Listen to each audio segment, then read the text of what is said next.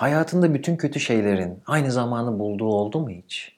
Sanki her şey üst üste geliyor. Çok bunalıyorsun, işin içinden çıkamıyorsun. Böyle zamanlarda, böyle anlarda hatırlaman gereken şeylerden bahsetmek istiyorum bu videoda.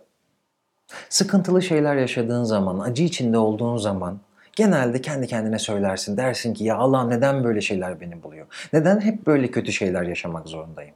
Ama ben burada yaşadığın sıkıntıya farklı bir açıdan bakmanı önereceğim sana. Şimdi eskiler bundan belki 50 sene önce, 100 sene önce Allah dertsiz bırakmasın diye dua ederlermiş. Bugünün mantığından baktığımız zaman daha çok bize beddua gibi geliyor ama bu sözün, bu duanın içinde bir hikmet var. Aslında derdin, acının bize getireceği olumlu şeylerden bahsediyor. Bazen diyorum ya o an çok kötü gelse de acı çekmek, kötü şeyler yaşamak, kötü şeyleri atlatıyor olmak bizi olgunlaştırır. Çayın demlenmesi gibi bizi daha tatlı, daha kıvamlı bir hale getirir. Hayatta level atlarız. O yüzden acı çekerken olaya bir de bu açıdan bakmak lazım. Acı çekmek, sıkıntılı zamanlar atlatmak bize sonraki zaman diliminde daha geniş bir bakış açısı sağlayabilir. Bazen de kişi acı yaşarken, sıkıntılı zamanlardayken o zamanın o anın içine hapsolur. Der ki Allah'ım aman Allah'ım ben bu zamanın içinde kaldım ve bundan sonraki bütün zaman dilimleri böyle kötü geçecek. Bu sorunlar, bu problemler hiç bitmeyecek. Aslında bu temel bir algı hatası. Problemin içindeyken zannediyoruz ki hiç bitmeyecek, hiç geçmeyecek. Ama çoğu kötü şey, çoğu problem hiçbir zaman uzun, uzun sürmez. Aynen iyi şeylerde olduğu gibi kötü olan şeyler ve iyi olan şeyler bir süre sonra biter. Hayat inişli çıkışlıdır. O yüzden bir acı içindeyken, bir sıkıntı içindeyken şunu düşünmekte fayda var. Hiçbir zaman uzun sürmüyor yeterince. Sonrasında insan hayata adapte oluyor. Ve bir noktada o şeyler geride kalıyor, o sıkıntılı dönemler. Buna dikkat etmek de sana iyi hissettirecektir. Şikayet etmek, kaygılanmak, aslında hayatta sıkıntı yaptığımız şeyleri değiştirmek, iyi hale getirmek noktasında pek bir işe yaramıyor.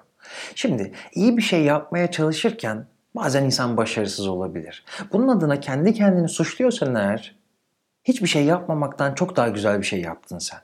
Çünkü bir çaba gösterdin, bir emek verdin. Bunun sonucunda hata yapmış olabilirsin hiç sorun değil. Tekrar yapıp aslında daha iyi bir noktaya getirebilirsin. Ben hayatta bazı insanlara çok saygı duyuyorum. Bunlardan bir tanesi iyi şeyler, kendi hayatı için, çevresindekilerin hayatı için iyi şeyler yapmaya çalışan insanlar, emek veren insanlar. Bir de bazı grup insanlar var ki otururlar, durmadan sızlanırlar, şikayet ederler. Hiçbir şey değiştirmeye çalışmazlar.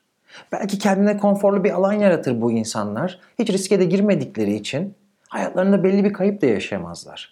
Ama o ilk başta bahsettiğim grup var ya, çaba gösterir, emek verir. Bazen geri gidebilir. Bazen kayıplar, hatalar yaşayabilir. Ama ben bunu şuna benzetiyorum. Bu iş hep iki adım ileri, bir adım geridir. Totalde baktığımız zaman öbürü hiç adım atmazken sen çok daha fazla adım atmış olursun uzun vadede. Ve çok sevdiğim bir söz var. Şöyle diyor, ya tahammüldür ya sefer anla ki aşkın çaresi. Ya susacaksın, şikayet etmeyeceksin ya da harekete geçeceksin. Sefere çıkacaksın aşk elde etmek için. Bazen sıkıntılarının kaynağı çevrendeki insanlar, hayatındaki insanlar olabilir. Ama şunu unutma, etrafındaki insanları kontrol edemezsin. Sen ne kadar iyi davranırsan davran. Sen ne kadar iyi olursan, sevgi pıtırcı olursan, insanlara böyle çiçekler dağıtsan bile etrafındaki insanlar iyi olmayabilir. O zaman şunu düşünmek gerekmez mi? Eğer bu iş benim kontrolümde değilse karşı tarafın davranışlarından dolayı neden kendimi kötü hissetmeliyim? Onun negatif, onun olumsuz tavrı için kendimi neden bu kadar sıkmalıyım? Diyorum ya bizimle çok alakalı olmayabiliyor karşı tarafın olumsuz tavırları bazen. O yüzden e, karşı tarafın bazen o yansıttığı olumsuz durumlar, negatif enerjilerin onun kendisiyle alakalı olduğunu düşünmemiz önemli. Bir de bir insan çok zarar veriyorsa bize, çok kendimizi kötü hissetmemize neden oluyorsa o ilişkiyi bir sorgulamak lazım. Biraz mesafe koymak, bizi etkileyebilecek yakınlıktan uzaklaştırmak da bize kendimizi iyi hissettirecektir. Hayatında herhangi bir sınava giren birisi şu durumu yaşamıştır. Bazen matematikli bir soruyla uğraşırsın ve soruyla cebelleşmeye, soruyla savaşmaya başlarsın.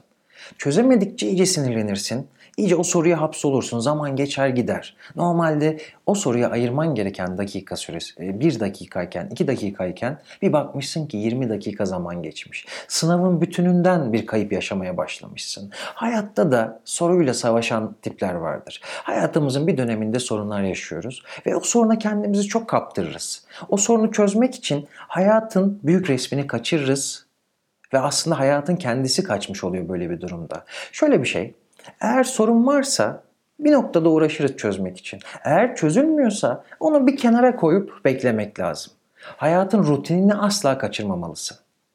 Günlük rutinlerini, günlük yapman gerekenlerini, işini, gücünü, aileni, sevdiklerini ihmal etmemelisin. Eğer hayatın rutinini belirli bir düzende işlemeye devam ettirirsen o çözülmeyen sorun var ya bir noktada belki kendiliğinden çözülecek ya da aradan geçen zaman diliminde sen kendini birazcık daha iyi hissedersen o soruna farklı çözüm yolları geliştireceksin. O yüzden soruya takılmamak, soruyla savaşmamak lazım.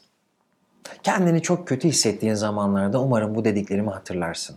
Dinlediğin için çok teşekkür ediyorum. Videoyu beğenmeyi, Psikoloji TV YouTube kanalına abone olmayı unutma. Kendine çok iyi bak. Görüşmek üzere.